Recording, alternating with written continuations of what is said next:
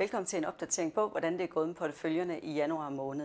Jeg vil starte med det vigtigste først, nemlig at kigge på afkastene i den forgangne måned, og dernæst vil jeg knytte en kommentar til, hvad der har været markedstendenser, og til sidst øh, så kigger jeg lidt på, øh, hvad vi har af forventninger til den kommende tid. Men øh, lad os starte med at kigge på, på afkastene for, for januar måned. Og det startede altså lidt tungt med negativ afkast efter de første tre uger, men den sidste uge i januar måned er det vendt rundt, og det betyder, at vi slutter årets første måned med positiv afkast på tværs af alle profiler. Og som det fremgår af grafikken, jamen så har der været plusser, både til de aktietunge profiler, øh, omkring 1 fra 1,6 til 2,3, men også de mere obligationstunge profiler har leveret små plusser fra 0,2 til lidt over 1 procents penge. Noget af det, der har drevet afkastet, jamen det er en styrkelse af den amerikanske dollar over for danske kroner med knap et par procent. Og øh, så er det altså fortsat de store IT-aktier, der har trukket det positive afkast øh, på, øh, på aktiedelen. Hvorimod kinesiske aktier har fået en skidt start i det nye år med fald på over 10 procent. Afkastet for vores alternativer i porteføljen, jamen øh, det har givet et øh, lille positivt bidrag.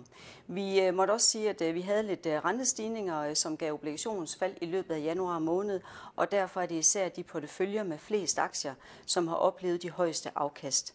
Vi valgte primo januar at sænke aktieandelen en smule på baggrund af den solide afslutning, vi havde sidste år, som har betydet, at stemningsniveauet er på et højt niveau.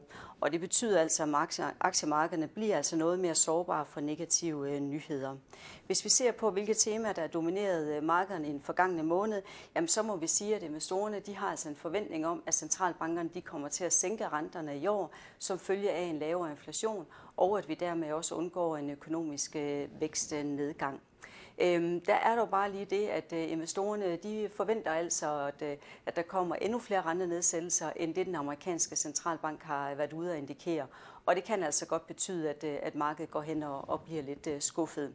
Vi har også set stadigvæk noget geopolitisk uro, øh, og den nyeste geopolitiske konflikt, vi har, jamen den finder vi nede ved det Røde Hav, hvor vi har set, eller det har betydet, at øh, der er en noget længere sejltur for skibstrafikken, og dermed også en øh, længere leveringstid af varer. Og det har altså været med til at sende øh, olieprisen op med omkring øh, 6 procent i, i januar måned.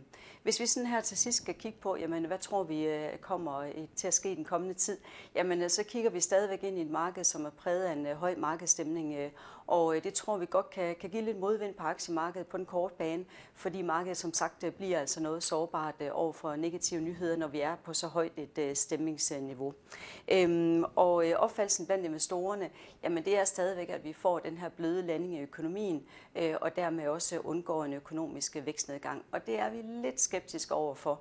Øhm, vi ser en lille smule svaghed i en ellers stærk beskæftigelse, og så øh, er vi også lidt bange for, at der kommer nogle udfordringer på boligmarkedet, øh, som følger af de her høje renter. Så det bliver rigtig interessant at følge i den kommende periode. Men for nærværende, jamen, øh, så er vi godt tilfreds med at ligge med den her balancerede risiko i, i porteføljerne. Det var alt for den her gang. Tak fordi I kiggede med, og vi ses igen om en måneds tid.